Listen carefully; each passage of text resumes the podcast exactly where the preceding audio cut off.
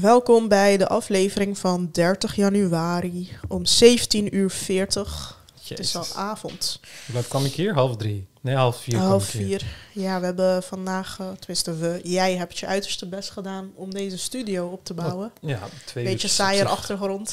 op zich niet, eh, niet verkeerd in twee uurtjes. Wil je wijn trouwens? Ja, ja, ik schenk zo in.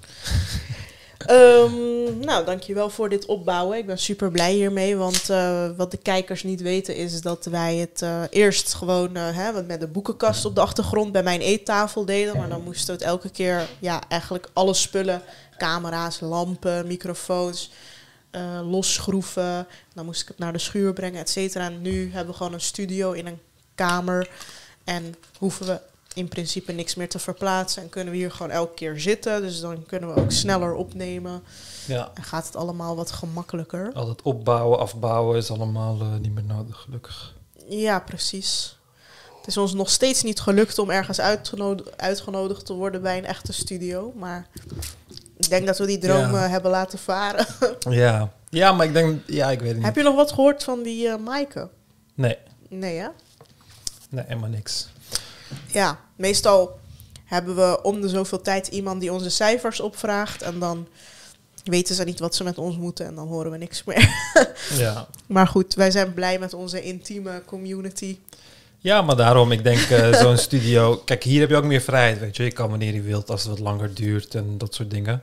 Ja. Dan gaat het allemaal vrij makkelijk. En wij zijn beide wel een beetje losjes met eh, dat soort dingen. ja, Dus- bijvoorbeeld vorige keer met Izzy hebben we letterlijk wat eh, vijf uur of zo opgenomen. ja. In welke studio kan dat? Normaal krijg je twee keer 45 minuten om ja, want dan krijg je gewoon een tijdslot en dan moet je het binnen dat tijdslot doen. Maar ehm, Maar dan kap je ook gesprekken af. ja, En dan ja. kan je niet de diepte in. Want de, bij ons is de eerste 45 minuten nog warming-up, zeg maar. Ja, ja, ja, precies. En zo kom je een beetje, weet je wel, je drinkt een beetje wijn, je gaat nog verder praten en na één uur kom je een beetje losser. En ja, het ja. klinkt bijna vies, man. maar ja, zo is het met filosofische, diepe gesprekken. Mhm. Ja, zeker. Dus ik ben blij met deze vorm, alleen ja. Ja, ik ben benieuwd hoe die aflevering met uh, Izzy, die 2,5 2,5 uur lang duurde, hoe die het gaat doen. Die zijn nog niet echt publiekelijk. Tenminste, wanneer deze uitkomt, is hij wel publiekelijk. Dus ik ben wel benieuwd naar de comments onder Waarom ben je benieuwd naar de comments? Ja, kijken wat, eh, hoeveel mensen... Zo'n lange aflevering. Ja, zo'n lange aflevering afkijken. en Ja, dit, dit was wel heel lang. Dit was onze Ja. langste ooit. Ja, ik maak echt veel fouten, man. Weet je wat het is? Wanneer die aflevering zo lang is, dan merk ik echt heel veel fouten van mezelf op. En achteraf denk Wat ik voor fouten dan? Gewoon domme dingen. Vorige keer dat ik bijvoorbeeld gezegd dat ik die AI vroeg van... zijn er vogels op de polen en dat soort dingen. Toen zei ik iets over penguins op de Noordpool. Maar er zijn geen penguins op de Noordpool, ze zijn op de Zuidpool. En ook Oh. vorige keer had ik een rant over Maar dan Latijn. doe je gewoon sterretje Zuidpool. Ja, vorige keer had ik ook een, lat- eh, een rant over Latijn en Grieks. En, eh, maar ik zei Latijn, maar daarna gaf ik Griekse voorbeelden. Dus dan lijkt het zo van, weet je. Maar ik bedoelde gewoon Latijn en Ja, en, Grieks en de natuurlijk. gemiddelde boomer zegt dan... hij weet niet eens waar hij het over heeft. Ja, ja, maar eerlijk, wanneer ik zulke fouten maak, over het algemeen, krijg ik geen verbetering. Dat iemand een comment schrijft van, joh, dat is eigenlijk niet zo. Mhm. Dat vind ik op zich wel jammer. Ehm, maar ik merk het wel. Want kijk, uiteindelijk, ik ben de persoon die de podcast, ik ben de persoon op aarde die de podcast het meest heeft gehoord. Dus ik word er het meest mee geconfronteerd. Want ik heb elke aflevering gewoon en meegemaakt en drie keer geluisterd ongeveer tijdens het editen. Mhm. Dus dat is best wel veel. En dan word je constant gecon- eh, eh, ge- geconfronteerd de hele tijd. En dan denk ik van, kut. Ja, Want je hebt dus van die tools, je hebt bedrijven die dus eh, AI's editing softwares gebruiken. Dat je dan gewoon zo'n audioclip, dat wordt dan getranscribed. Dus dan krijg je gelijk de tekst eronder. En dan kun je die tekst aanpassen en dan gaat de stem ook aanpassen. Dus wanneer ik dan Noord Noordpool zeg, maar ik wil Zuidpool zeggen, kan ik gewoon Zuidpool typen. En dan zegt mijn stem Zuidpool. oh. Dus dat zou heel handig zijn. Dat wil ik eigenlijk graag. Maar omdat Nederlands echt een eh, ja, niet, niet populaire taal is, bestaat er geen support daarvoor nog. Het kan alleen voor Engels, eh, Engels gesproken taal en Spaans en dat soort dingen. Oh. Ja, oh ja, dat Dus zou dat. wel handig zijn, ja.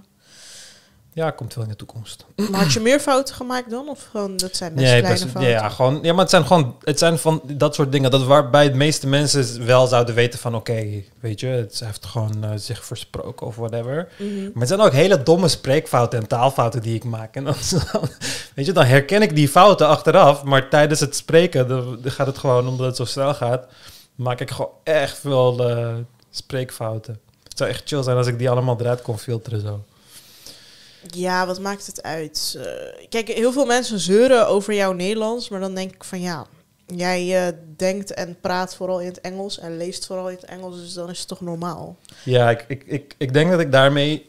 Want ik, ik heb dus ook allemaal apparaten en zo in het Engels. Dus mijn computer en mijn telefoon. En dan krijg je ook Engelse zoekresultaten. Ik google Ja. ook in het Engels. Moet je altijd doen overigens. In het Nederlands is er echt weinig te vinden.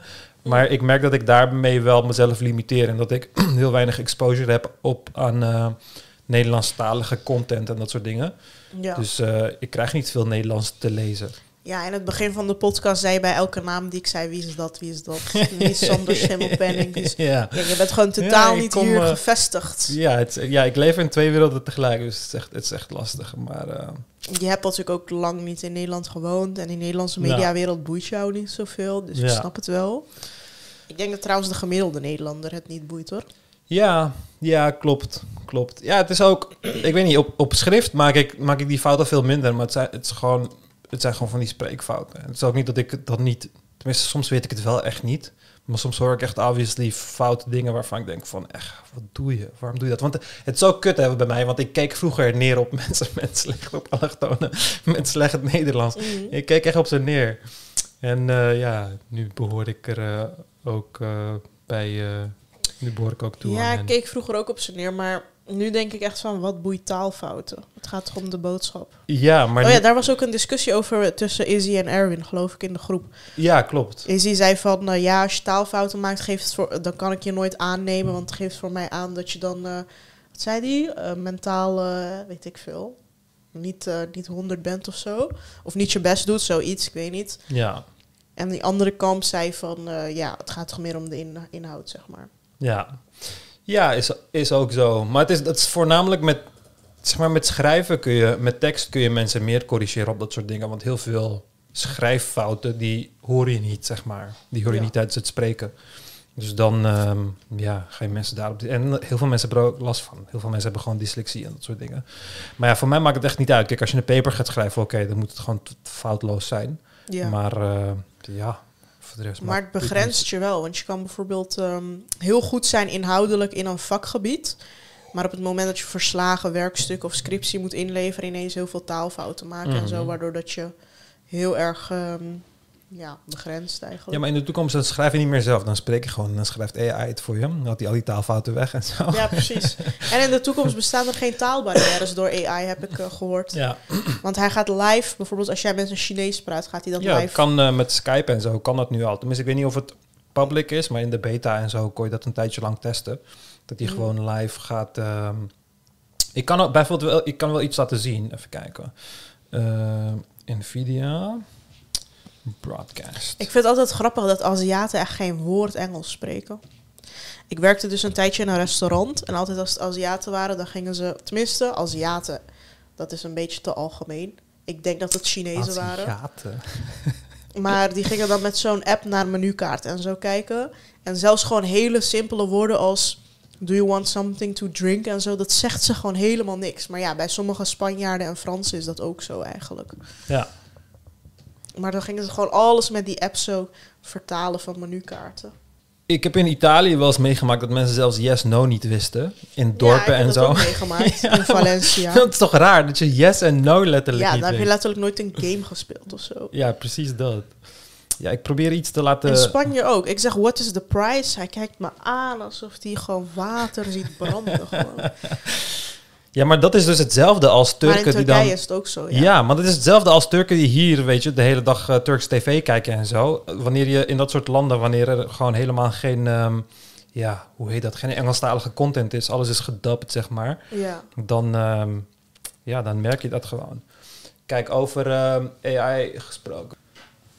Zie je mijn ogen daar? Ja. Oké. Ik kijk nu, kijk ik voor mijn camera, oké? Mhm. En nu kijk ik naar links Mhm. en nu kijk ik naar rechts. Ja. Zie je dat daar? Ja. Want wat die AI doet, is hij laat mij lijken alsof ik naar de camera kijk. Maar ik kijk helemaal niet naar de camera. Oh. Kijk, ik kijk nu naar boven, naar beneden. Wacht. Ja, ik zie het daar niet. Het is echt kut, want om naar mezelf te kijken, moet ik... eh, Ja, jij ziet het niet, ik wel. Het lijkt inderdaad alsof je de camera in kijkt. Ja, kijk, het, het lijkt nu alsof ik naar de camera... Oh, hij switcht ook. Je ziet hem switchen, maar ik switch niet met mijn ogen. Ik kijk, Oh. gewoon, ik kijk gewoon naar het scherm. Oh, Ik kijk gewoon naar het scherm, maar ik switch niet met mijn hij ogen. verandert ook je ogen. Je hebt ineens grijze ogen. Ja, ik die mijn ogen recht zetten. Terwijl ik kijk gewoon de hele tijd linksboven daar. Ja. Hè? Echt fucking lijp. En waar is dit handig voor? Dit is dus voor eh, wanneer, je, wanneer je aan het eh videoconferencen bent of iets anders. Of oh, en je bent afgeleid. Ja, maar als je gewoon niet goed bent... Sommige mensen vinden het heel lastig om eh, oogcontact te houden met de camera. Om zo diep in de camera te kijken. Dus dan kijk je gewoon Ja, niet in de camera. En dan zorgt ervoor dat de AI laat dan net lijken alsof je wel in de camera kijkt. En dat is fucking chill. Ja. Want we... kan je gewoon zo wegdromen. Ja, precies. Want daar, we, we, we, we judgen mensen daar ook op. Van als je mensen echt zo strak in de ogen kan aankijken, dan heb je meer zelfvertrouwen, kom je wat krachtiger over of zo. En terwijl als wanneer je zo wegkijkt, en sommige mensen hebben er gewoon last van, Mhm. dus dan kun je in de toekomst gewoon, zolang het digitaal is, kan je gewoon net doen alsof je perfect recht in de camera... En het lijkt gewoon echt. Ja. het lijkt gewoon echt. Dus eh, het gaat echt een leuke toekomst zijn. Maar daar Oh, zit ik ja. ook allemaal te denken met de remote jobs en zo, weet je. Wanneer je Ja. dan eh, op een camera moet verschijnen. Waarom zou je je opmaken als vrouw als je gewoon zo'n filtertje kan aanzetten bij Ja, Instagram? van zo'n Instagram. Ja. Dat doen nu vrouwen ook. Dan gaan ze een story opnemen. Ja, ik heb eigenlijk geen make-up op, maar gelukkig een filter. ja. ja, precies. Bespaart wel heel veel eh, arbeid en dat soort dingen. Ja, klopt. Alleen die, fil ja, die filters doen niet alleen make-up. Ze geven je ook bijvoorbeeld vollere lippen, Ja, strakkere je botstructuren veranderen Ja. ze helemaal. Ja, het is, echt, eh, het is echt absurd. Maar daarom, en mensen beseffen dus niet hoe, hoe ver dat is gekomen. Want vroeger was het dus, dan had je een programma die dat kon doen. Dan ging ik video uploaden en dan ging hij frame voor frame, die hele video, ging hij dan proberen aan te passen. En dan laten we zeggen, duurde het vijf minuten of zo. Maar nu, wanneer jij kijkt naar het scherm, wat er eigenlijk gebeurt is, de, de, je telefoon, die pakt jouw video en die fixt daar dan een filter overheen. Maar, en dan een paar milliseconden later is het resultaat klaar. Dus het is zo snel dat hij dat kan fixen. Want voor ons, wanneer je in de camera kijkt, lijkt het gewoon instant Ja. bijna. Maar En hij is, beweegt met je mee. Dus Ja. als je zo doet, er is, vroeger had er is hij bijna geen mee. vertraging. Ja, er is bijna geen vertraging in. Bij Snap had hij zeg maar, dan ging het zo één seconde, eh, was net te laat en zo. Nu beweegt hij gewoon Ja, nu is hij fucking mee. goed. Ja, inderdaad. En da daarom, mensen beseffen niet hoeveel vooruitgang dat is. Want het is gewoon in real time. Doet hij gewoon, doet hij, doen die algoritmes nu gewoon berekeningen die een paar jaar geleden nog maar echt heel lang duurden. Ja. En het is nu gewoon eh, super makkelijk. Maar je hebt nu ook meer catfishes dan ooit. Ken je dat programma? Ja, sowieso. Maar als je live je gezicht kan veranderen, gaat catfish een nieuw level krijgen. gewoon. Ja, maar dat is dus als je, als je naar een toekomst gaat waarbij virtual reality of augmented reality, dat is dus virtuele realiteit over de echte realiteit heen, eh, dan, ja, dan kan het gewoon prima. Dan kan iedereen gewoon dezelfde kleren aan hebben. Gewoon allemaal een wit t-shirt en een zwart broekje of weet ik veel wat. Maar als we allemaal zo'n bril op hebben, dan kunnen we gewoon onze outfits kiezen. En we hoeven niet deze outfits te creëren. Het is gewoon allemaal digitaal. En zolang iedereen een bril op heeft, ja, is het gewoon hetzelfde. Het lijkt gewoon alsof je een andere outfit op hebt of make-up of whatever, andere look. Ja, in de digitale wereld is het makkelijk om eh, te spelen met de realiteit, zeg maar. Het is ook heel grappig hoe jongeren daar al heel erg bewust van zijn. Dan Mhm. zeggen ze als iemand op de foto acht is, is hij in het echt zes en zo. Het is gewoon heel normaal Ja. dat ze er twee punten van afhalen. Ja, dat is altijd zo. Ik kijk naar de mooiste foto's van, op de Instagram van een meisje en dan haal je daar twee punten van af. Ja, maar bij mannen kan het juist andersom zijn. Oh ja, want mannen weten niet hoe ze foto's moeten Ja. maken. Meiden weten precies. Sowieso, elke chick heeft gewoon de fotolook, zeg maar. De look die ze geven wanneer, wanneer er een camera verschijnt. Mhm. Me- meisjes met grote neus gaan zo hun neus verkleinen. Meiden met de onderkin gaan zo. Ja, ja, klopt. Iedereen heeft zo'n bepaalde, bepaalde manier. En ja, jongens weten dat allemaal niet. De, de fuck boeit het jongens. De meeste jongens eh, die zien zichzelf één keer in de spiegel in de ochtend. En voor de rest eh, ja, boeit het allemaal niet. Ja, inderdaad. Maar ehm, ik dacht ook van, kijk, tijdens corona had je toch zeg maar online les. Heel veel leerlingen konden hun focus niet houden door naar de camera te kijken de hele tijd. Mm. Gingen die leraar de hele tijd boos worden. Maar als ze deze AI hadden, dan hadden ze dat probleem Ja. niet. Ja, want je hebt nu dus ook in Amerika, omdat er veel vanuit huis wordt gewerkt nog steeds, zijn er softwarebedrijven gekomen die dan checken of de werknemer wel aan het werk is. Dus dan heb je bepaalde software die dan gaat kijken of er muisbewegingen zijn. Weet je, als er heel lang geen muisbeweging is, dan weet je van oké, ze- hij zit waarschijnlijk niet achter de computer, want je mag de camera niet gebruiken voor privacy dingen en Oh zo. shit, dan heb je helemaal geen privacy. Ja, maar dan komen er gewoon andere bedrijven die dan weer apparaten maken die dan af en toe je muis zo bewegen. Oh, ja. Voor en alles komt er een hek. ja. ja, want uiteindelijk alle, alles wat onefficiënt is, probeert de mens gewoon eh, soort van Je efficiënt hebt ook dat je je achtergrond kan verbergen bij Zoom en zo. Ja, ja, je kan je achtergrond ook helemaal eh, veranderen.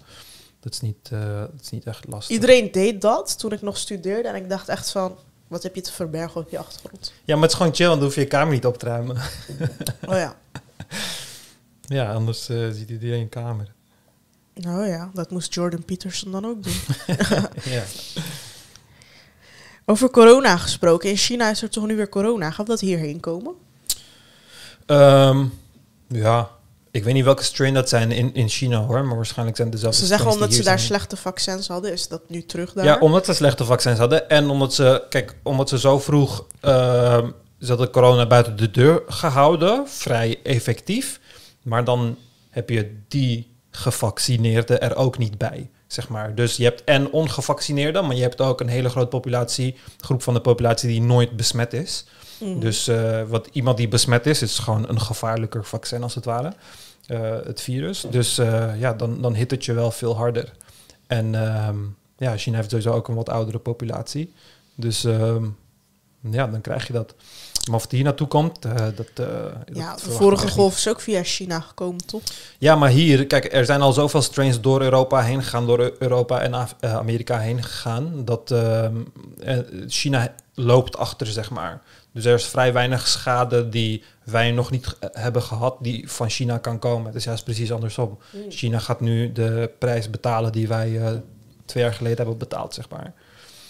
Dus, eh, corona vind ik nog steeds vrij bizar. Hoeveel mensen zich nog steeds met corona bezighouden. Ja, mag ik ook alsjeblieft zeggen dat ik een jaar geleden ook zei van... nee, volgende winter gewoon helemaal niks aan de hand. Lockdown echt wel afgelopen. En iedereen van, nee, lockdown is afgelopen. Nee, dat denk ik niet. nee. nee. Ik denk dat ze in de winter gewoon weer komen met de coronapas en zo. Het is helemaal weg. Nog steeds hoor je af en toe, ik, ben, eh, ik heb corona. Af Ja. en toe. Maar dat is dan, welke variant is dat dan? De, de Eh, allerlichtste of zo. Nee, je hebt nu verschillende. Je hebt X11B, je hebt echt heel veel verschillende varianten. Dus het gaat wel gewoon blijven, maar... Ja, alleen het, het gaat zich nestelen. Het wordt een stabieler virus na een tijdje. En dan ehm, ja, gaan we kijken wat de... ehm, ja, hoe zal ik dat zeggen? Wat de stable version ervan is. Hoeveel schade die kan aandoen. Maar tegen die Mhm. tijd is ook eh, het gros van de wereld al besmet en ge- of gevaccineerd. Of beide. Dus eh, ja, dat zorgt er sowieso wel voor dat... ehm, Maar heeft het zin dat iedereen maar één of twee keer gevaccineerd is? Blijft dat zeg maar blijvend werken? Of? Ja, kijk, het ergste is corona voor je wanneer je nog nooit eh, besmet bent. Dat is Mhm. wanneer de meeste schade gaat doen, want het is compleet nieuw voor je lichaam. Er is, er is nul beveiliging. Mhm. Ehm, en daarna kan het nog allemaal schade doen, natuurlijk. Alleen, ehm, ja. Want je moet toch ook die boosters dan elk jaar halen, maar dat gaat echt niet iedereen doen. Ja, nee, maar het is, ik bedoel, het is hetzelfde als een griepprik. Heel veel mensen halen de griepprik ook niet elk, elk jaar. Ja. Maar als jij reden hebt, ik bedoel, als je geeft om je gezondheid of je bent oud of je hebt eh, een zwak immuunsysteem, ja, dan haal je die dingen gewoon. En is er niks aan de hand. er is nog nu nog een steeds nieuwe... geen corona gehad. Jij? ja. Ik heb nu al aan, twee onderzoeken meegedaan waarbij ze mensen zochten die nog niet eh, geïnfecteerd waren met corona. Je zegt, chill, ik ben nu zo'n zeldzaam eh testsubject. Oh Ga ja. ik al die onderzoeken meedoen. Maar bestaat dat, mensen die immuun zijn voor corona? Ja, niet immuun, maar mensen die nog niet eh, besmet zijn, heb je, heb je Oh, er ja. wel eh, een paar honderd of een paar duizend, denk ik. Ja. Ja, er is een nieuwe complottheorie over de oversterfte. Want die Ja. schijnt dit jaar echt heel hoog te zijn. Ja, En Pieter Omtzigt en zo hebben daar dan kamervragen over gesteld. En dat wordt dan heel geheimzinnig geheim gehouden. En niemand wil erover zeggen wat dat is en weet ik veel wat. ja. En jouw theorie is dus dat het gewoon corona is. Eh, voornamelijk coronadoden. Ja, kijk, Maar waarom zeggen ze dat dan niet gewoon? Waarom Omdat, omdat, het geen, omdat het geen directe link is. Kijk, allereerst, oh, we gaan nu echt terug in de tijd naar alle vragen van vroeger. Weet je nog, weet je nog, dat iedereen zei van, alle doden worden geteld als corona.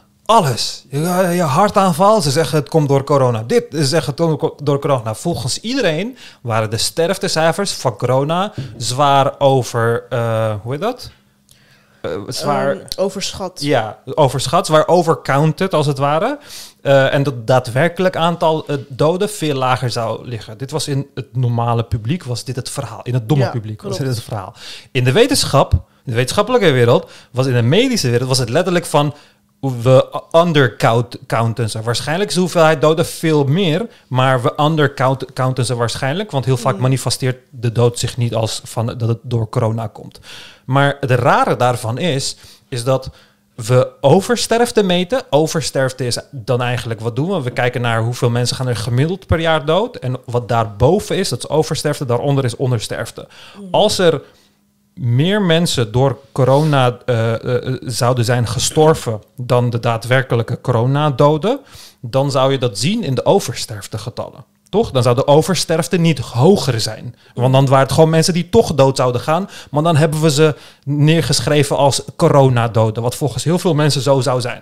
Mhm. Dus waar kwam eh, eh, eh, die, die cijfers van oversterfte zouden toen zeg maar heel erg van pas komen, want het bewees dat iedereen uit zijn nek aan het lullen was. Dat we in plaats van dat we overcounten waren, aan het undercounten waren. Want als we aan het overcounten waren, was die oversterfte veel lager. Oké, en dan vervolgens kom je dan bij iets. Bij, bijvoorbeeld, vorig jaar is een vriend van mij overleden. Mhm. Aan een. zit je wel in beeld nog? Ja. is een vriend van mij overleden. Die ging uit huis, voelde zich prima. Had twee weken daarvoor corona. Voelde zich prima, ging uit huis, liep naar beneden Ja, van de trap. bloedprop. Ja, bloedprop in zijn been. eh, schoot naar zijn longen, longembolie, dood. Hij is doodgegaan door corona. Hij heeft die bloedprop gekregen door corona. Maar zijn officiële doodsreden, zeg maar, oorzaak... Is hartaanval. ja, is long, longembolie, zeg maar. En daardoor krijg je een hartaanval en dan ga je dood. Dus longembolie met hartfalen tot, eh, tot gevolg. Maar Waarom krijgt de ene een bloedplop en de andere niet? Waarom krijgt de een, eh, ja, waarom wordt de een heel erg ziek en waarom niet? Waarom de ander niet, weet je? Dus bij iedereen Ja. is, is dat heel anders. Alleen destijds, omdat iedereen, omdat niemand de medische informatie volgde, maar de informatie van de straat, was het ook van, oh, je krijgt bloedproppen van het vaccin. niemand wist dat je het van het virus kreeg, terwijl het van het virus letterlijk het risico honderd keer zo hoog is. En er één, er was AstraZeneca, er was één kutvaccin, wat een hele kleine kans had, het bloedproppen, wat we gelijk van de markt hadden gehaald. Maar niemand wist dat je het van corona kon krijgen. Dus iedereen creëert zo'n alternatieve realiteit, waarin corona stelt helemaal niks voor. En ze stellen veel te veel dood, het daadwerkelijk aantal is veel lager. Maar eigenlijk is het dus zo dat veel meer mensen eraan doodgaan, maar dat we dat niet kunnen koppelen aan corona of whatever. Gezonde mensen gaan gewoon dood. En het, rare vind ik ook dat ze overal op. ehm, Overal op eh, social media en zo is het van, hoe zou dat nou komen? Hoe zou die, dan zie je die, dat, dat plaatje, dit plaatje met die drie grote 2020, 21 en 22 gigantische oversterfte. Boven de 15.000 eh, mensen eh, aan oversterfte, zeg maar, overleden aan oversterfte. En dan denk van, maar dit komt dus door vaccins. Dat is de het eerste theorie waar men mee komt. Wanneer zijn we begonnen met vaccineren? Mm, ja, eh, veel later dan dat corona. er was. 2021. Ja. Hoe kan het dat de oversterfte in 2020 en 21 en 22 bijna identiek is? Als het door vaccins zou komen. Maar corona was er in 2020, toch? Ja, Maar in 21 is die oversterfte toch hoger, ietsjes hoger. ja, ietsjes hoger, ja. Maar 21 hebben we ook veel hardere, eh, hebben we die delta-golf gehad. Mhm. Ja. Ja, maar als dit door vaccins zou komen, dan zou je daar drie torens zien. In 2021 en 2022. Want dat is, Ja. 2021 zijn we begonnen met eh, eh, vaccins.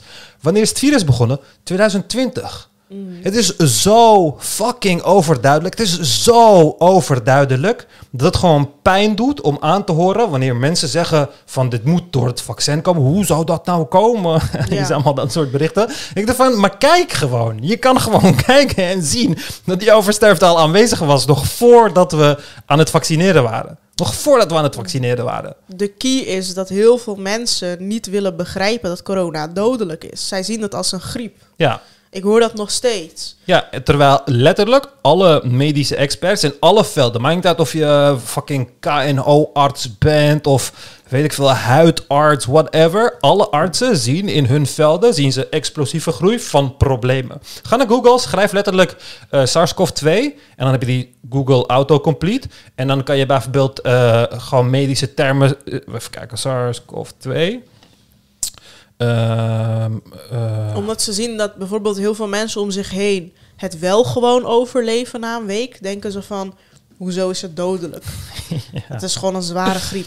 Ja, kijk, als je, als je, als je bijvoorbeeld eh, bij, naar Google zou gaan en je schrijft COVID, ja, dan kunnen we gewoon kijken naar welke medische termen worden opge opgezocht. Als je eh, doet COVID en dan doe je bijvoorbeeld ehm, hypo, ja, dan krijg je COVID hypothermia, COVID hypoxia, eh, COVID hyponatremia, COVID hypotension, COVID hypoglycemia, COVID hypothyroidism, COVID hyposmia.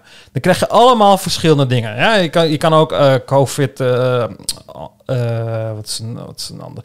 Gewoon dat, ja, ik pro- ik probeer op het juiste woord te komen, maar ik kan er niet op komen. Maar als je dan, als je dan, ehm, als je, als je zo'n lijst ziet, dan merk je van letterlijk alles waar we een groei in zien in de laatste paar jaren. Bijvoorbeeld kinderen die COVID hebben gehad, hebben 40% meer kans op diabetes dan kinderen die geen COVID hebben gehad. Bijvoorbeeld. Hè, word je ook nog dik van COVID? Oh Ja, kan- ja, maar het is, het is een aanval op jouw lichaam. Het is zo lijp dat we in een tijd zijn gekomen dat ik aan mensen, dat, dat, dat ik het aan mensen vertel zo en dat mensen zeggen van, hè? Maar maakt een virus, geeft een virus schade aan je lichaam? ja, dat is wat virussen Maar doen. hoe werkt het met obesitas Dat is wat we al drie jij- jaar eh, proberen uit te leggen. Als jij niet meer eet, kan je toch niet dikker worden? Nee, maar je kan wel, jouw jouw immuunsysteem kan wel op zo'n... Kijk, uiteindelijk als jij eh, bijvoorbeeld diabetes gaat krijgen... dan gaan jouw insuline-levels, gaat daar een verstoring in komen... waardoor jou, dat jouw eetlust gaat veranderen. Dus of jij gaat meer eten of jij gaat minder eten... Zijn, eh, ja, je kan low eh, Kan glucose... je ook dunner worden of dat niet? Alles is... Het hangt er vanaf waar, waar het schade aan gaat doen. Want het komt in jouw lichaam. En dan is het Ja. van waar gaat het naartoe? Als het naar je lever gaat, dan krijg je leverproblemen. Als het naar je hersenen gaat, krijg je hersenproblemen. En dat gaat bij Ja. iedereen anders zijn, want het is een nieuw virus. Kijk, normaal is een virus gesetteld en dan is het, is het gelimiteerd wat een virus in jouw lichaam kan doen. Ja. Verkoudheidsvirus, je lichaam kent het verkoudheidsvirus. Dus van, oh, jij bent binnengekomen, oké, infecteer maar vanaf de neus naar de keel, maar verder kom je niet. Maar ja, COVID, ja, die gaat gewoon chill eh, je hele lichaam rond en eh, nestelt zich in je hersenen. Maar dat boeide niemand. Dat boeide helemaal niemand. En dat, dat irriteert mij zo erg, omdat je ziet dat in tijden van eh, paniek en onzekerheid, het zijn sowieso tijden wanneer mensen het meest vastgrijpen aan, aan complottheorieën, dat iedereen gewoon verloren was en iedereen een soort van alternatieve realiteit heeft gecreëerd. En dat is nu met, ook met nog steeds, met de wappies die nog steeds wappie zijn, is dat ook zo. In hun wereld hebben ze gewoon helemaal gelijk, nog steeds. Ja. Want ze leven letterlijk, letterlijk in een bubbel waar ze alleen maar bewijzen zien van dat ze gelijk hadden, weet je. Nu letterlijk, na de zwaarste pandemie in 100 jaar, vallen er links en rechts mensen dood. Nee, het zal sowieso niet door de zwaarste pandemie in 100 jaar komen. Nee, het moeten wel de vaccins zijn. Iedereen die dood is gegaan, nu, spontaan, is van ja, sowieso vaccins, zie je? Ja. Het is zo absurd. Ja, echt interessant worden de jaren 2023 en 2024 in die grafiek. Ja, Want als dan de oversterfte klaar is, omdat COVID een beetje klaar is, dan heb je bewijs dat het dus niet de vaccins waren. Of, ik denk dat die oversterfte wel lang zal eh, doorhouden. oh, waarom? Omdat, kijk, uiteindelijk is het niet van... Er is jou, er is Oh ja, jou dat schade je. aangedaan door een virus. Dus jij gaat binnen twee weken dood of zo. Nee, er, er is schade aangedaan op, jou, op jouw leven. Dus letterlijk iedereen die COVID heeft gehad... Iedereen die COVID heeft gehad... Jij gaat ietsje sneller sterven. Je gaat, dat is met alle ziektes zo, hè? niet met COVID, ook met verkoudheid en griep en weet ik veel. Want je doet gewoon een cellulaire schade en dat soort dingen. Het hoeft niet te, het hoeft niet te zeggen dat het ook de manier is waarop je doodgaat. Of dat het de tekort die het zorgt in jouw levensduur. Dat, eh, de- kijk, als je uiteindelijk gewoon kanker krijgt, dan boeit het uiteindelijk niet. Maar je doet wel cellulaire schade. Dus dat gaat jouw maximale levensduur gaat wel omlaag halen. Dus heel veel oudjes die eh, het overleefd hebben, ja, als je twee, drie jaar van je leven hebt afgeschaafd, ja, dan ga je gewoon wat eerder dood. En als iedereen wat eerder doodgaat, average life expectancy was gewoon best wel gedaald tijdens eh, COVID. Dus dan gaan die, ehm, die gemiddeldes, die zijn dan gebaseerd op dat we gemiddeld in Nederland voor vrouwen dan 85 jaar wordt, zeg maar. Maar ja, als dat wat, wat lager wordt door zo'n pandemie, dan kun je meerdere jaren lang eh, kun je oversterfte v- verwachten. Omdat we gewoon door de grootste pandemie in 100 jaar zijn gegaan. Is dat alleen, geldt dat alleen voor COVID of geldt dat ook voor griepen en zo? Alles, alle ziektes. Hoe Hmm. vaker jij... Want een ziekte is letterlijk... Je wordt ziek, er is schade in jouw lichaam. En die schade is niet opeens, als er eenmaal schade is ge- gedaan... Natuurlijk, je kan het repareren. Maar het is nooit meer hetzelfde als van ouds. Mm. En je lichaam heeft uiteindelijk een limiet. Je kan wel cellen blijven repareren, maar elke keer dat je het repareert is de kwaliteit ook slechter. Dus ja, je, je, leven, je levensduur gaat er gewoon eh Volgens. Thierry Baudet is dat, eh, hoort dat bij de natuur en moet je niet alles Thierry willen- Baudet moet zijn bek dicht houden over. Wat de niet willen fuck weet? Thierry Baudet? Ik weet zeker dat Thierry zo iemand is dat als hij een kakkerlak of een muis ziet, hij zo gilt. 100% natuur.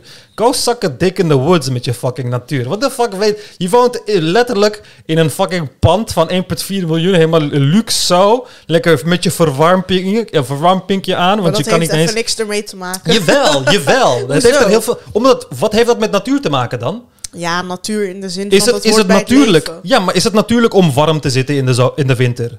Die eenden in de grachten, die chillen gewoon in het water van 1 graad hoor. Die chillen gewoon. Het sneeuwt gewoon. Ja, maar wij zijn geen eenden. Ja, maar wij zijn letterlijk dieren.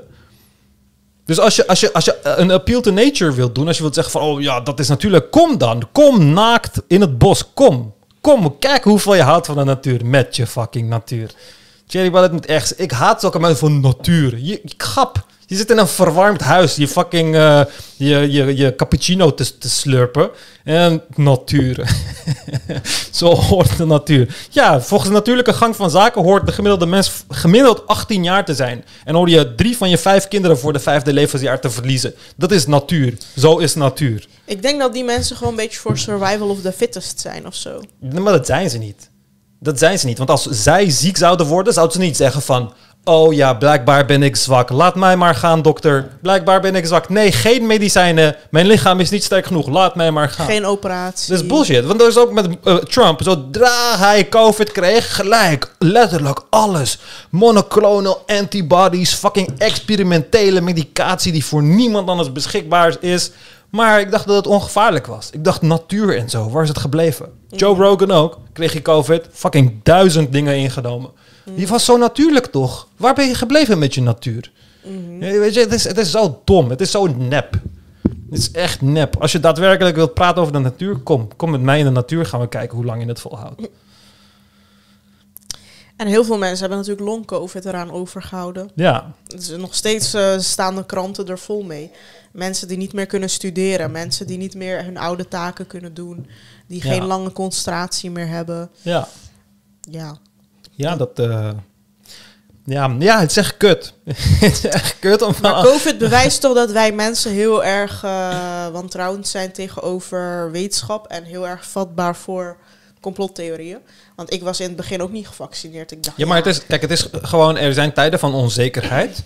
Eh, je hebt twijfels, je hebt vragen in je hoofd. En die vragen die roepen ook angst op. Want vragen waar je geen antwoorden voor hebt in het menselijk brein, die roepen gewoon angst op. En jij wil dat opvullen met eh, antwoorden, zodat je je brein kan sussen. Want jouw brein wil eigenlijk niet nadenken. Jouw brein wil gewoon weinig energie Nee, maar er zijn ook video's die jou vertellen, ja, vaccins kunnen bijwerkingen hebben en natuurlijke immuniteit is altijd beter. Ja, maar kijk, al die dingen, al die dingen zijn zo letterlijk. Je hoeft niet eens heel erg diep na te denken. Het is gewoon van, dit is wat mijn regering zegt. In een van de minst corrupte, meest rij- rijke landen van de wereld met de hoogste levensverwachting. En dit is wat iemand op het internet zegt.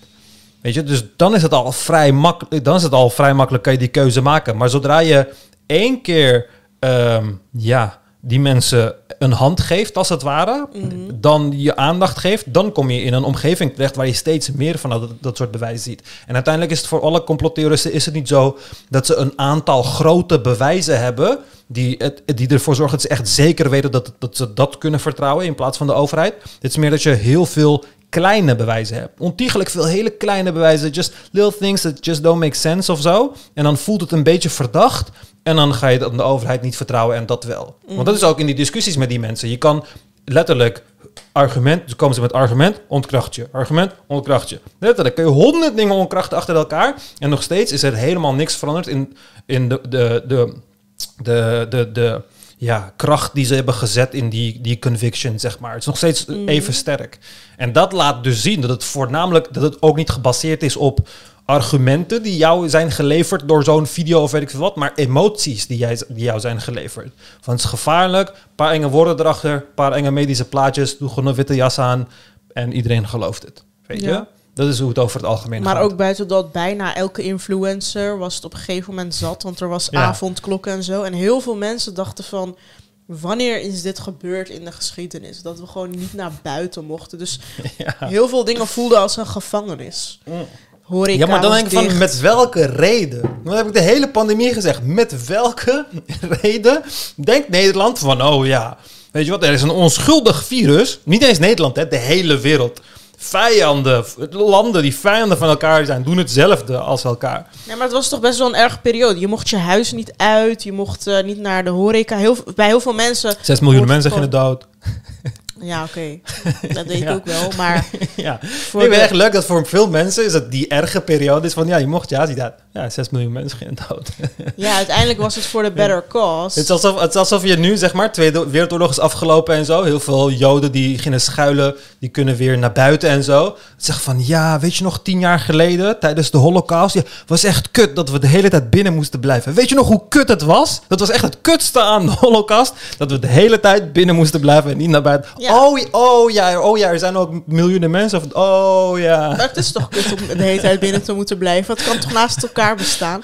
Ja, het is kut dat mensen doodgaan, maar het is ook kut dat je helemaal niks meer kon doen. Ja, ja, voor mij, het enige wat voor mij heeft, heeft eh, bewezen is dat ik letterlijk niet kan bouwen op iets als een samenleving. Want het is gewoon eh, een samenhang van uh, debielen bij elkaar.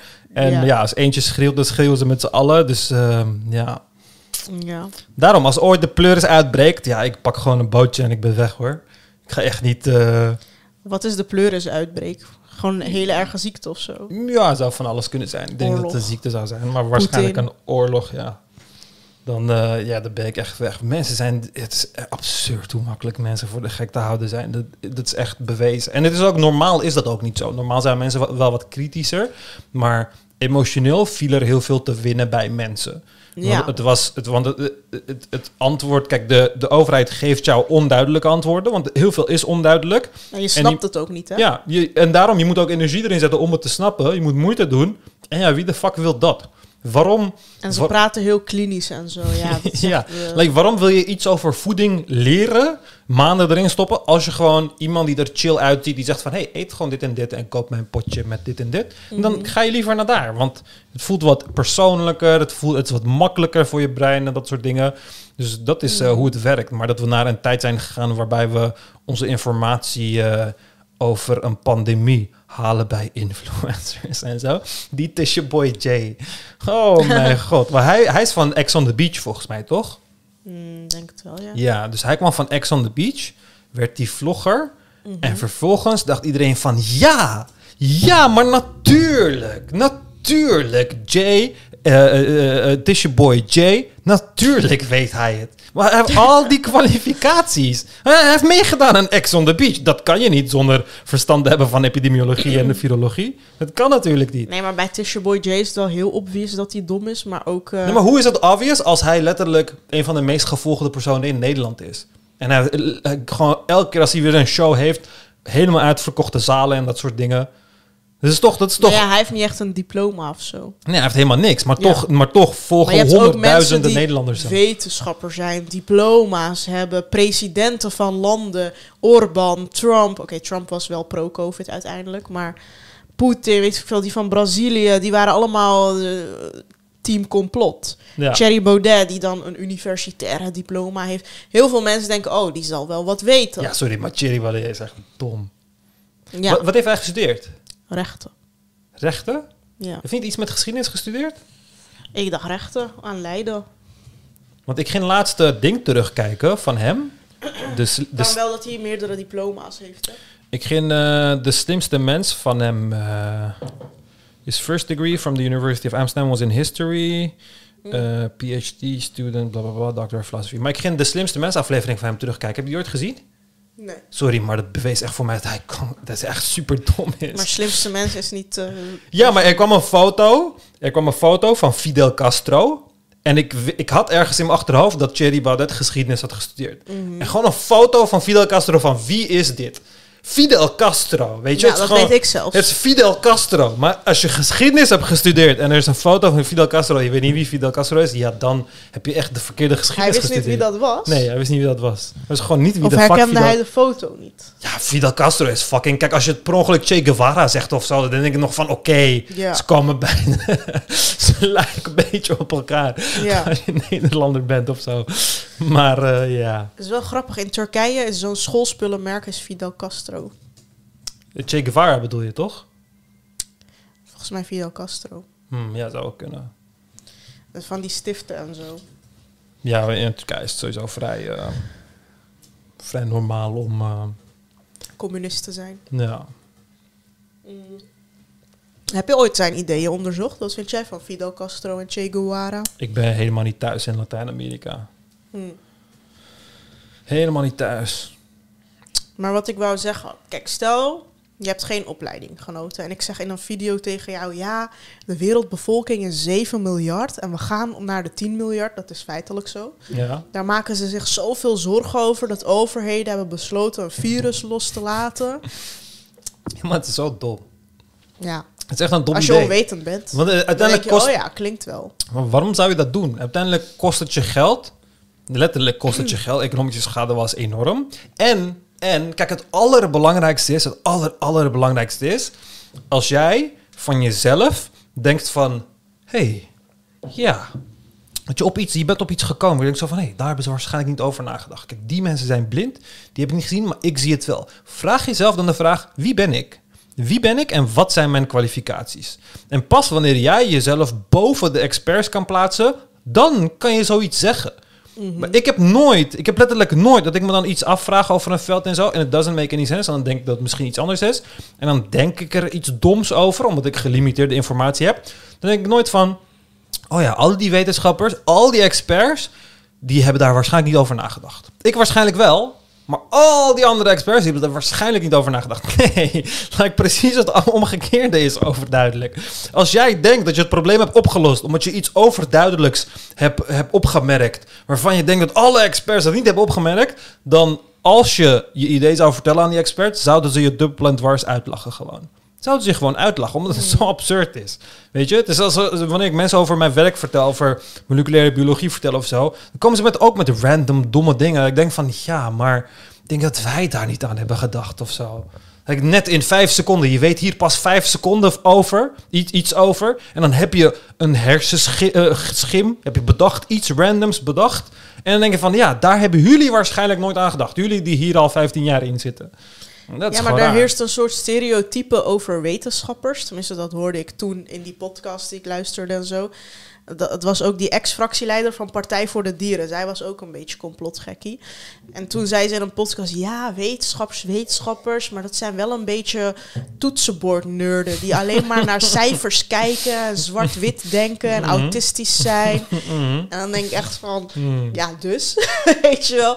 Oh, dus alleen naar cijfers kijken... dan... Maar eh, na- na- naast wat wil, naar wat wilde je anders kijken? ja, precies. Er is een pandemie, je wilt naar de cijfers kijken en wat nog meer? Vertel ja, me ja, wat nog meer. ze- zeiden ze ja, mentale gezondheid en zo, dat Ja, zegt hun niks. Het is, echt, het, is echt, het is echt zo mooi dat niemand, iedereen die het had over mentale gezondheid en de pandemie, niemand heeft er meer. Er is niks veranderd aan de mentale gezondheid van jongeren. Hè? Niks is er veranderd. Nou, je had allemaal van die onderzoeken toen. Ja, helft ja, maar die zijn nog steeds zo. Suicidaal. Die zijn, dat was letterlijk twee jaar daarvoor was het ook zo buiten de pandemie. Ja.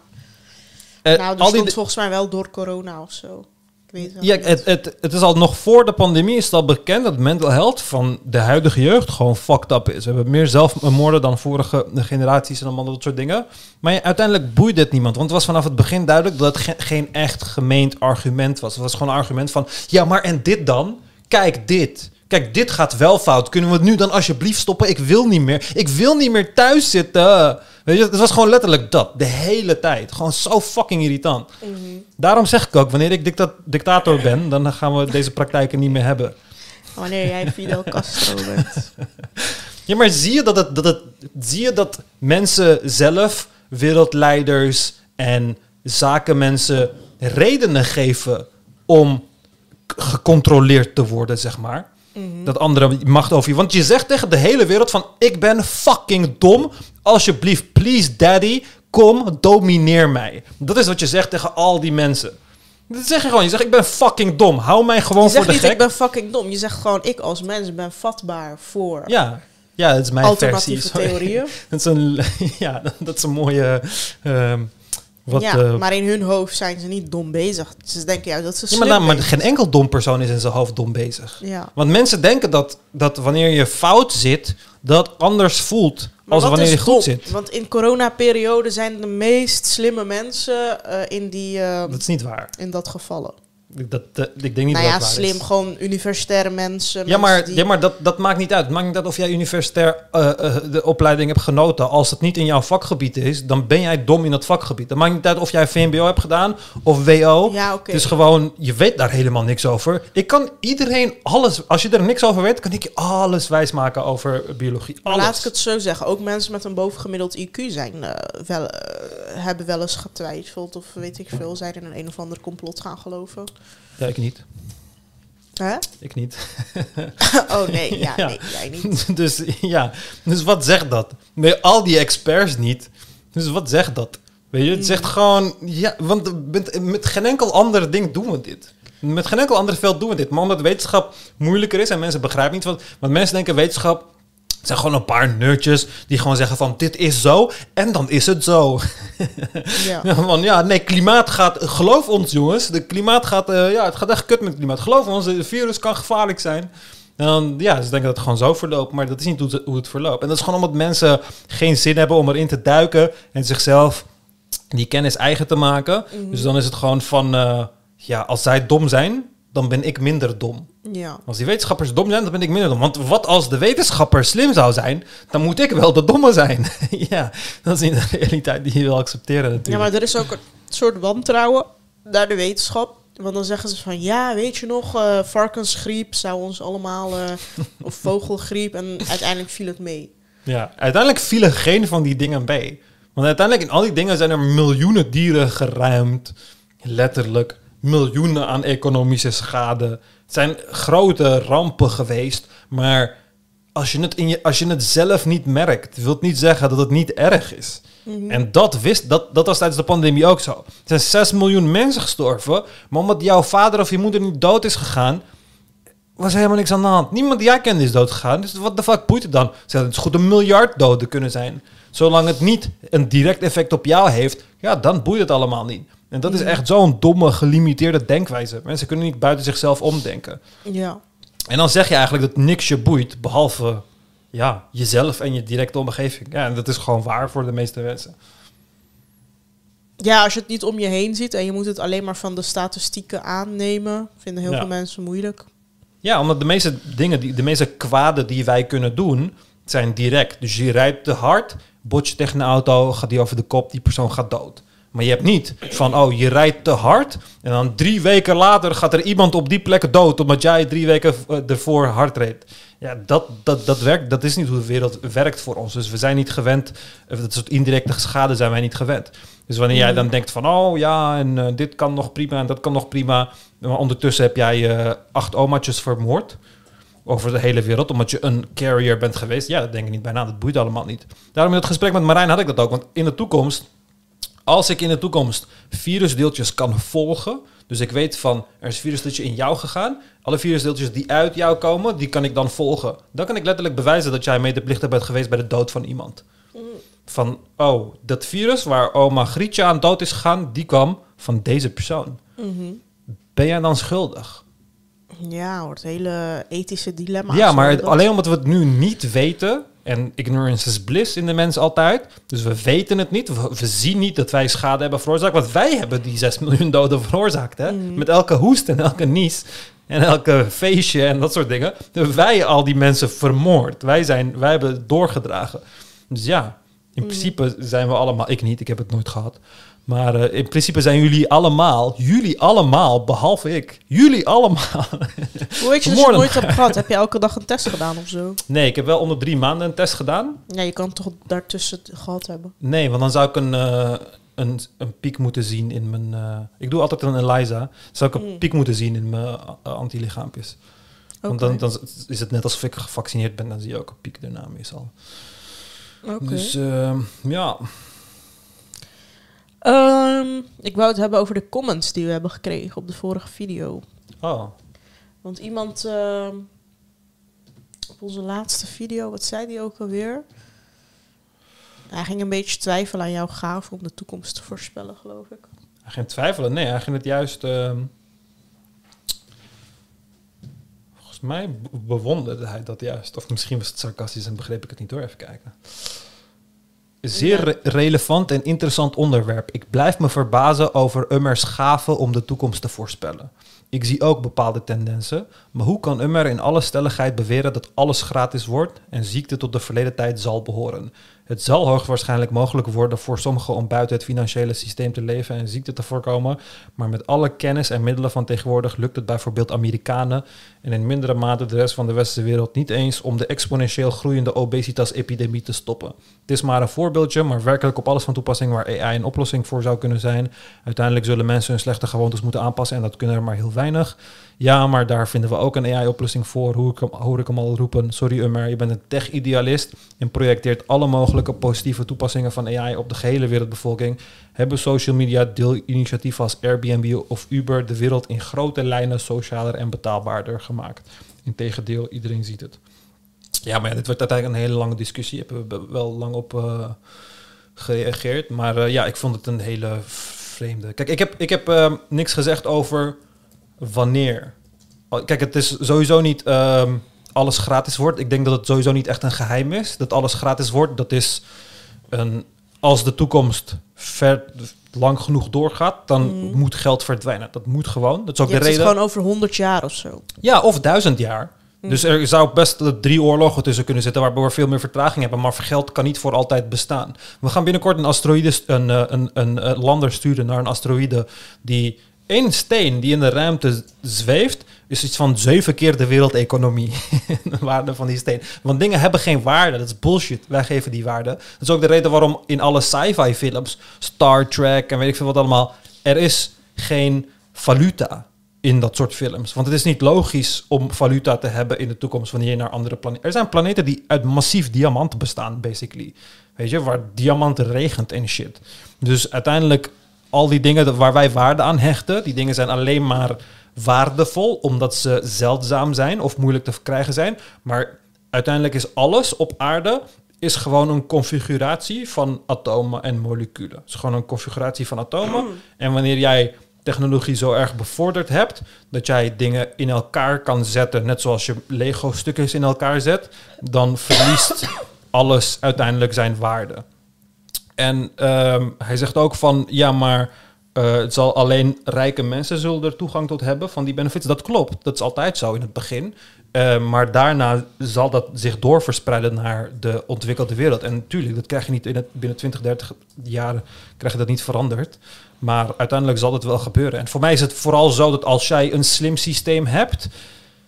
Kijk, dingen als wat mensen hebben, zoals gierigheid en jaloezie en afgunst, en al die emoties, zijn allemaal domme emoties. Ze zijn allemaal domme, primitieve ehm, emoties die uit de tijd komen dat we nog apen zijn. Maar als jij daadwerkelijk slim bent, daadwerkelijk slim bent, dan weet jij dat het in jouw voordeel is en in iedereen's voordeel is dat iedereen slim is. En dat iedereen ontwikkeld is, en dat iedereen een goed leven heeft. Dat is gewoon het beste voor iedereen, want het zorgt voor de snelste vooruitgang en dat is het beste voor jou en voor iedereen. Dus al die ideeën van ja, alleen de rijken gaan toegang tot hebben, dat is allemaal. eh, en dat was vroeger zo. Dan had je een fabriek nodig. Kijk, ik kan geen iPhone bouwen. Als iPhone later met een iPhone 30 komt, dan kunnen alleen rijke mensen het kopen. Ik kan hem niet bouwen. Maar in de toekomst gaat technologie steeds meer naar de biologische kant. Want dingen worden kleiner en kleiner en kleiner. En de biologie doet dingen op zijn kleinst, als het ware. En biologische dingen, die hebben geen intrinsieke waarde, want die zijn om ons heen. Dus als ergens, weet ik veel, een middeltje komt, één spuitje, en je krijgt nooit alle soorten kanker, ben je immuun tegen, kunnen ze wel voor 3 miljoen verkopen, maar uiteindelijk is het gewoon biologisch. Uiteindelijk kan ik dat gewoon bouwen. Iedereen kan dat gewoon bouwen als je de, de patenten hebt en whatever voor vrij weinig geld. Dus het zal in de toekomst wel zo zijn. Zodra je robotica hebt, genoeg grondstoffen en dat soort dingen, dan maakt niet uit of iemand iets voor jou wilt produceren of niet. Je kan die shit gewoon zelf produceren. Net zoals Mhm. je thuis gewoon nu je eigen 3D-printer hebt en allemaal dat soort dingen. Maar ik vond die vergelijking sowieso raar. Van Airbnb of Uber hebben de wereld ook niet eh, betaalbaarder gemaakt. Maar dat, dat zijn mensen. Het zijn domme apen. En hier heb, ik het echt, hier heb ik het echt over artificial general intelligence. Dus dat is een artificial intelligence die het alles kan wat wij ook kunnen. En dat zal dan elk jaar ons overtreffen. Steeds beter dan, on- dan ons worden. En ja, dat zal niet dezelfde domme... Een AI gaat niet denken van... Oh, laat me het niet uitbreiden naar Latijns-Amerika. Want daar kan ik niet genoeg verdienen aan die mensen. Nee, een AI hoeft niks te verdienen. Mhm. Letterlijk helemaal geen reden te verdienen. De reden waarom wij het niet... eh, waarom wij dat soort landen niet helpen... is omdat we eraan moeten verdienen. En robots of AI's... die hoeven dingen niet uit de winst eh, oogpunt te doen. Want het is gewoon, van, het is gewoon arbeid. En dat is gewoon ehm, ja, gratis. En waarom kan geld niet bestaan in de toekomst? Omdat wat moet waarde hebben dan? Mm, bijvoorbeeld boodschappen die je doet. Oké, ehm, noem eens iets. Tomaten. Waarom Mhm. kosten tomaten kosten geld? Omdat er arbeid in is gestopt. Maar als, het, als de robots de tomaten planten en weer oogsten... en de, alle energie is afkomstig, is gratis, dus zonnepanelen bijvoorbeeld. Kijk, als, als, jij nu het dak, als jij op je dak nu zonnepanelen zet... vijf jaar later heb je ze afbetaald... Vijf jaar daarna is al je energie gratis, toch? Mhm. al je energie is dan gratis. Dus laten we zeggen, we zetten hier een 3D-printer. En dan gaan we die energie gebruiken voor die 3D-printer. Die 3D-printer kost 500 euro. Een jaar later hebben we die 3D-printer ook terugverdiend. Dus nu kun je gratis energie, gratis arbeid. eh, dan heb je nog je grondstoffen. Je moet er plastic in stoppen. Dus dan moet je dat nog gratis zien te krijgen door robots de plastic te laten maken en dat soort dingen. En dan is je grondstoffen, je arbeid en je energie is dan gratis. Dus Mhm. waarom zou je product nog iets moeten kosten? Mhm. Dus uiteindelijk, tuurlijk zal je je geld willen terugverdienen en dit en dat. Maar uiteindelijk kom je op een periode waarbij technologie zo erg bevorderd is, dat iedereen alles kan maken wat ze willen. Want uiteindelijk, kijk, deze, dit, dit glas moet met de hand gemaakt worden in deze vorm. Maar dit zijn gewoon glasmoleculen in een bepaalde vorm. Dus als ik technologie bezit om glasmoleculen in welke vorm ik wil te laten groeien of te laten bouwen door kleine microscopische robotjes of whatever, Mhm. dan maakt het niet uit welke vorm of kleur of weet ik veel wat het glas heeft, welk design het is. Ik kan alles gewoon namaken. Want Mhm. alles is, zijn gewoon, dit zijn gewoon Lego blokjes. Dezelfde 118, of ja niet 118, een stuk of 100 waarschijnlijk, Lego blokjes die voor alles op aarde gebruikt worden. Van je telefoon tot je tafel tot je schoen. Het zijn allemaal dezelfde Lego blokjes. En als jij leert om dat zelf in elkaar te zetten, als technologie zo eh, erg bevorderd wordt, dat je het zelf in elkaar eh, kan zetten, dan is er geen reden meer voor geld. Want hoe ga je aan je, ten eerste, hoe ga je aan je geld komen? Er is geen werk, alles is geautomatiseerd. We hebben je niet eens nodig, want robots doen het voor gratis. Hoe ga je in geld komen? Wat ga je met je geld kopen? En aan wie ga je het geld geven? Want wie doet er iets om geld te verdienen? Niemand. Maar om heel veel robots te bouwen, heb je zoveel... Heb je eerst geld nodig, ja. Ja, maar Ja. en heb je grondstoffen nodig. En die zijn beperkt bevoorraad, geloof ik. Oh nee, we hebben genoeg... eh, Want bijvoorbeeld voor elektrische auto's, die batterijen kunnen we al in de toekomst niet meer maken of zo. jawel. gelezen. Kijk, dingen gaan niet op. Mhm. Als ik grondstoffen neem om batterijen te maken, dan kan ik die batterijen, en die batterijen zijn na een tijdje op, na 30 jaar is die kwaliteit achteruit, dan kan ik, als daar koper in zit of er zit lithium in, kan ik dat gewoon weer eruit halen. Het kan niet weg. Mm. Het kan niet op of zo. Mm. Iemand, zei dat, iemand zei dat ooit tegen mij. Iemand zei in 2008 tegen mij dat in 2020 de wereld ehm, geen koper meer zou hebben, want koper op zou raken. Had hij in de krant gelezen. Dus 2023 hebben we nog steeds koper. Toevallig, toevallig. Ehm, en dat, maar dat wordt komt. niks minder? Nee, het kan niet. Het kan niet verdwijnen. Massa kan niet verdwijnen. Oh, Dat is nat- je hebt nooit natuurkunde en scheikunde gehad, hè? nee. Massa kan niet verdwijnen. Dus stel je voor, ik heb hier een kaars. Mhm. Die kaars weegt 100 gram. Wanneer ik die kaars aansteek, dan wordt die kaars lichter. Maar die massa verdwijnt niet. Als jij alle rook, alle dampen die van die kaars zouden afkomen, zou wegen, zou het even zwaar zijn als de, als de kaars, wanneer die Oh. opgebrand is. Dus dat kan niet verdwijnen. Dus maar dat zou dan- fossiele brandstoffen gaan toch wel op? Olie en zo? Ja, maar de, de, de blokjes zelf gaan niet op. Dus je hebt olie, oké, Ja. en dan verbrand je dat. Dus die olie is heel veel C, zeg maar. Mhm. Heel veel C, dus carbon. En dan verbrand je dat. En als je iets wilt verbranden, komt er zuurstof bij. Pak je O2 uit de lucht. En dan gaat die C vast aan die O2. En krijg je CO2. Mhm. Oké? Dus als je een kilo eh, benzine verbrandt, Mhm. dan krijg je ongeveer 2 kilo CO2 eruit. Mhm. Want er- zuurstof komt erbij, zeg maar. Maar het gewicht is precies hetzelfde gebleven. Die massa is daar Nee, we nog. hebben niks aan CO2. Ja, je kan die, we hebben wel iets aan CO2. De natuur heeft iets aan CO2. Want die CO2 kan de natuur weer terug omzetten in energie. In de vorm van suikers, dus hout of, of planten, dat soort dingen. Alle eten. Maar we alle- hebben nu te veel CO2, toch? Ja, we hebben te veel CO2 inderdaad. Dus, maar uiteindelijk is dat daar nog. En uiteindelijk kun jij maar dat kan toch technologie... niet weer olie worden? Jawel. Oh. Je kan, er zijn, eh, dat is Bill Gates investeert daar allemaal in. Maar er zijn, dat Shell investeert daar ook in. Dus dat is waar fossiele brandstofbedrijven naartoe willen in de toekomst. Dat ze gewoon de olie uit de lucht halen. Want kijk, Dat zou wel vet zijn. Kijk, een boom gebruikt energie van de zon en dan pakt die CO2 en dan verandert die- het in C en H'tjes, zeg maar, carbohydrates. Dus de, de- verandert die in, het in brandstof. Dus je hebt energie nodig om die CO2 in hout te veranderen. En vervolgens zit die energie nog steeds in die hout. Kun je die hout verbranden. En wanneer je die hout verbrandt, dan komt daar CO2 vanaf weer. En dan kun je in die CO2 weer energie zetten. En dan dat weer in hout zetten. En dan die hele cyclus zo omdraaien. En hetzelfde is met brandstof is het ook zo. Je verbrandt de brandstof, dat wordt CO2. Die CO2 kun je weer omzetten in, in olie. Want dat is hoe het uiteindelijk is gegaan. Al die olie die wij nu aan de grond halen, dat zijn oude bomen en planten van vroeger. Dus die hebben de CO2 van vroeger hebben ze uit de lucht gehaald. Hebben ze het veranderd in massa, in energie. En toen is dat onder, on- onder aarde bedolven en dat soort dingen is het helemaal gaan rotten. En dan wordt het uiteindelijk olie. Maar als je dingen verbrandt, kom, komt het toch niet meer terug? Je- de- Als je bijvoorbeeld afval als je, verbrandt. als je alles zou vangen, zeg maar. Dus als je, als je, laten we zeggen, je verbrandt 100 kilo afval, dan is de rook die daar vanaf komt 100 kilo. Dan heb je gewoon 100 kilo afval heb je nu in de lucht gezet. Mm. Alleen het is nu wijd verspreid in rook. Maar als je al die rook zou verzamelen, dan zou het precies evenveel wegen. En uit dezelfde Maar die eh, rook gaat toch weg ergens naartoe? Ja, ja, maar het wordt gewoon verspreid. Maar het zit gewoon in de lucht. Het kan uiteindelijk niet ergens naartoe Dus we gaan. hebben nu heel veel afval in de lucht. Oh ja, maar dat is wat die CO2 ook, ook- is. De meeste dingen die je verbrandt, uiteindelijk zullen ze, is het grootste afvalproduct die er ontstaat, is gewoon, is gewoon CO2. Want de meeste dingen die wij verbranden zijn, er zit heel veel carbon in. En als je carbon verbrandt met zuurstof, krijg je carbon dioxide, zeg maar.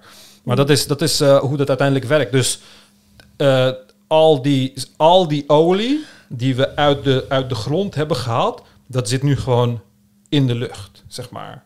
Al die olie zit in de lucht. En het is zwaarder, het is ongeveer twee keer zo zwaar. Het is niet eh, precies twee keer zo zwaar, want er is een gewichtverschil tussen koolstof en zuurstof, maar het is een stuk zwaarder. Dus er komt meer massa uit jouw uitlaat dan de massa, dan de br- brandstof die je erin hebt gedaan. Dus zeg maar, als je 10 liter hebt getankt, komt er dus 10 kilo benzine hebt getankt, dan eh, komt er 20 kilo rook uit jouw u- uitlaat uiteindelijk. Oké, dus er is sowieso genoeg grondstoffen om heel veel... Grondstoffen, gaan nooit, grondstoffen kunnen niet opraken. Ze, ze veranderen alleen van configuratie. Dus als koper, als iemand zegt van koper gaat opraken, nee, want die koper zit gewoon in onze dingen. Als we dit huis slopen, dan halen we alle koper eruit, de waterleidingen, de elektraleidingen, dat soort dingen. En dan wordt het omgesmolten en dan hebben we weer koper. Dus het kan nooit op. Het, het is alleen voor iets anders gebruikt. En dan kunnen we het weer voor iets anders gebruiken. Maar het kan niet verdwijnen. Massa kan nooit verdwijnen. Het kan soms wel, maar dan, eh, Ja, eh, dan zijn het atoombommen en dat soort dingen wanneer dat gebeurt. oké. Eh, laten we deze aflevering afronden, Ja. voordat we weer te lang lullen. ja. Bedankt voor het luisteren. En eh, Vergeet niet te doneren op uh, ikgaleven.backme.org. yes, als Eh. donateur krijgt u toegang tot premium afleveringen achter een betaalmuur. Die worden naar u toegestuurd. Ja. Eh, En vergeet niet te abonneren. Er zijn nog steeds heel weinig mensen geabonneerd. We krijgen meestal twee keer zoveel views als abonnees. Dus ehm, dat, Ja. dat zou... eh, ja. dat, eh, als wij duizend abonnees halen op YouTube, kunnen we veel vettere dingen maken. Dus ehm, ja, abonneer vooral. ja. Nou, En, ehm, ja, je kan ook gewoon de Telegram chats joinen, de algemene. Je hebt eentje voor donateurs speciaal en eentje voor een algemene groep. Daar kan je ja, met andere luisteraars debatteren. Het heet ook debatclub. Over, over heb je gezien waarom ik dat heb veranderd? Ja, je had het ineens veranderd. Maar ik had Ja, omdat zo, zo, er was zo'n vrouw daar. eh, Zo'n be- beetje waar ik vaker een aanvaring mee heb gehad. Maar, eh, Is dat die Ivana? Ja, Ja. dat is die Passio Online, die op Twitter, waar ik die hele ruzie mee had. Mhm. Weet je nog, dat ik zei van, kijk naar die datum van die... Zal ik dat verhaal... Nee, laat maar, is, is zielig voor haar. Dat was een heel, heel eh, eh, ding, zeg maar. Mhm. Een beetje gênant. Maar zij, zij zei dus van, ja, waarom moet ik allemaal argumenten delen? Want als ze een argument leverde of ze claimde iets, dan vragen wij in de groep vragen we gewoon om bewijzen voor je claims. Mhm. Of om, om het te onderbouwen op zijn minst, weet je. Mhm. En veel mensen zijn dat niet gewend. Het is zo raar dat mensen dat niet gewend zijn. En zij had daar kritiek op. Toen we vroegen om argumenten of om bewijzen, eh, dan zei ze van ja, maar waarom zou ik eh, eh, bewijzen moeten leveren voor mijn claims? Dit is toch geen debatclub? En toen had ik de naam veranderd in debatclub. Zei ik vanaf nu, vanaf nu is het een debatclub en vanaf nu moet je bewijzen leveren voor je claims. Oh ja, dat hoor ik ook vaak. Dan zeg ik bijvoorbeeld tegen iemand, maar dit is geen argument. Dan zegt ze van, jij denkt echt altijd dat je in debat zit of zo. ja. En dan denk ja, ik, maar, huh? wat, maar wat is dan het? Dus, dus Wat we is gaan dan gewoon- het nut van onze Ja, woordenwisseling? Dus we gaan gewoon random shit lullen. Gewoon random shit. Laten we gewoon willekeurige woorden roepen naar elkaar. Of, of dan zeggen ze zoiets doms als, eh, ja, is geen universiteit hier hoor. Of geen lab.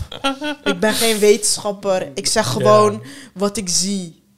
Ja. ja, dat of eh, ja, dan verschillen we gewoon van mening. Jij ziet het gewoon op een andere manier. Denkt van nee, ik lever bewijzen Mhm. bij mijn argumenten. En jij levert argumenten zonder bewijs. Het is geen meningsverschil. je weigert gewoon bewijzen te leveren. Maar daarom, veel mensen zijn dat gewoon niet gewend. Ja. Of dan zeggen ze van, eh, ja, alles is rationeel bij jou, terwijl emotie ook een argument is. dan, dan ben ik sowieso de kluts kwijt, want dan denk ik, huh, maar dan kan je alles wat gebaseerd is op emotie net zoveel laten wegen. Ja. En dan zeggen ze van, maar wie bepaalt dat ratio meer waard is dan emotie? Ja. Ja, Ja. het feit dat ze niet in de bos wonen en hier in een ontwikkelde samenleving wonen, denk ik. Ja, en dan klinkt dat voor hun heel logisch als ze dat zeggen. Dan zeggen ze, maar dit is mijn emotie, ik mag dat vinden. Het hoeft niet te bas- gebaseerd te zijn op wetenschap. ja, dat is... Ja, Daarom, als ik later dictator ben en wanneer, wa- wanneer dat soort mensen. Het is, by, the way, een grap, hè? Dit- ik zeg wel, in de groep zeg ik heel vaak als ik later dictator ben. Mm. Maar het is gewoon een overduidelijke grap. Maar soms er zijn autisten of ik weet niet wat ze zijn. Die begrijpen soms niet dat ik grappen maak. En dan denk ze van, oh, hij wil echt dictator zijn. Maar als ik later dictator ben, dan mensen die zulke claims maken, die eh, worden gewoon gekort op, eh, op eh, de hulp die we ze bieden in ziekenhuizen en zo.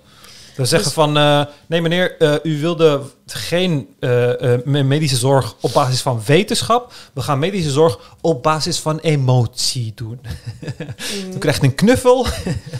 en we zetten een leuk liedje aan. Met kaarsjes. Ja. Ja. Maar besef in wat voor kutwereld we leven. Dat je met iedereen waar je je mee omringt, of het nou familie, vrienden, werkgever, buren, bla bla. Iedereen is zo anders in dat koppie. Ja. De een heeft autisme, de ander heeft ADHD, de ander he- is gewoon dom, heeft een heel laag IQ. Maar daarom, we hebben... We Er hebben is zoveel ruis in de communicatie. Hoe Ja. de fuck wil je overleven in zo'n wereld? Ja, kijk, we gaan gewoon eh, het volhouden tot, totdat de technologie eh, ver genoeg bevorderd is. Dat we gewoon eh, AI-robots kon- kunnen inzetten om bij iedereen in het brein een chip te implanteren. Zodat ze oh, niet zeg meer dit dom zijn. alsjeblieft niet. Ja, maar dat is echt mijn einddoel uiteindelijk. Het is echt mijn einddoel, want het is echt de enige uitweg van de mens. Want we zijn met zoveel en we leren zo slecht en we vinden onszelf zo geweldig. En je hebt al die cultural biases, opvoeding. Ja, maar dat eh, begrijpen mensen niet. Kijk, al die stress, al die domme dingen die wij hier meemaken... van, oh, het is je boy Jay of een Willem Engel of een ongehoord Nederland. Wij zijn het beste van het beste.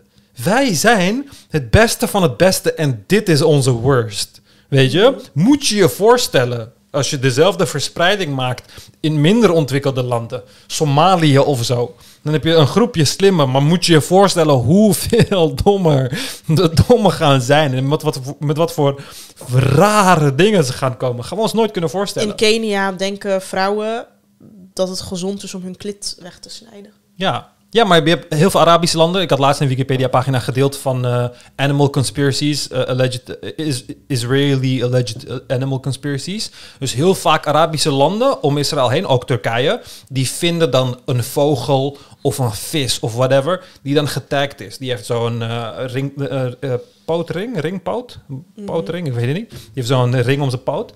En, eh, of soms hebben ze gewoon een GPS-module en dat soort dingen. En dat is gewoon, omdat in de academische wereld, biologen en dat soort dingen, die gaan dan de trekpatronen van eh, vogels en zo analyseren en dat soort dingen. Maar wat weet iemand in fucking Irak over, ja, die kan je echt niet wijsmaken dat het voor mensen interessant is om de trekroute van een vogel te onderzoeken of zo. Ja. Die denken gewoon van, oh nee, dit is een chip in een vogel en hiermee dit gebruikt Israël om, om ons te bespioneren. Ja. Weet je? En da, dat soort dingen, is, dat is hetzelfde als, oh, dit vaccin wordt gebruikt en er zit een chip in om ons te controleren of weet ik veel wat. In dat soort landen gaat het veel extremer zijn. En de hoeveelheid mensen die dat gaan geloven gaat veel meer zijn.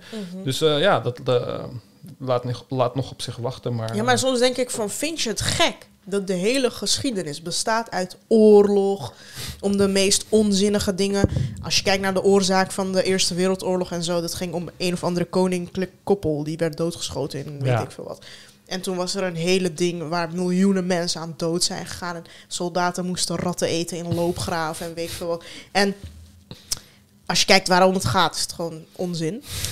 en dan denk je van ja, vind je het gek? We zijn zo, nou sowieso dom, maar ook zo ehm, in onze eigen hoofd. Eh, we zijn zo vatbaar voor propaganda, bla bla. Ja, maar daarom, daarom vind ik het niet raar dat mensen religies hebben bedacht. Daarom vind ik niet raar dat er dictators zijn. Daarom vind ik niet raar dat er predatory businessmen Het is zijn. eigenlijk een wonder dat als het lang goed gaat. Ja, maar het is heel moeilijk om het slecht te laten gaan. Het is Moeilijk, heel, dat is ja. heel makkelijk. Nee, het is eigenlijk juist moeilijk om het helemaal de pleuris te laten uitbreken. Want in- over het algemeen heb je cyclussen, weet je. Dan ga je gewoon door een moeilijke periode en dan breekt de pleuris uit en dan komt iedereen even tot, tot besef. Weet je, na de Tweede Wereldoorlog, na zo'n grote oorlog, komen mensen tot besef van, oh ja, oh, het zou zo weg kunnen zijn door domme dingen, door domme ideologieën en weet ik veel. En dan houdt het mensen wakker voor een paar decennia. En dan vergeten we dat weer. En dan voelen we ons weer onsterfelijk en we kunnen alles maken en dit en dat en fok iedereen en wij zijn de beste. En dan komt er weer een oorlog en dan ga je die hele cyclus gewoon rond. Eh, alleen nu hebben we zo'n pandemie gehad en waren je dus normaal. Daarom eigenlijk had het gewoon zijn gang moeten laten gaan. Zodat gewoon een groot deel van de wereldpopulatie dood zou gaan.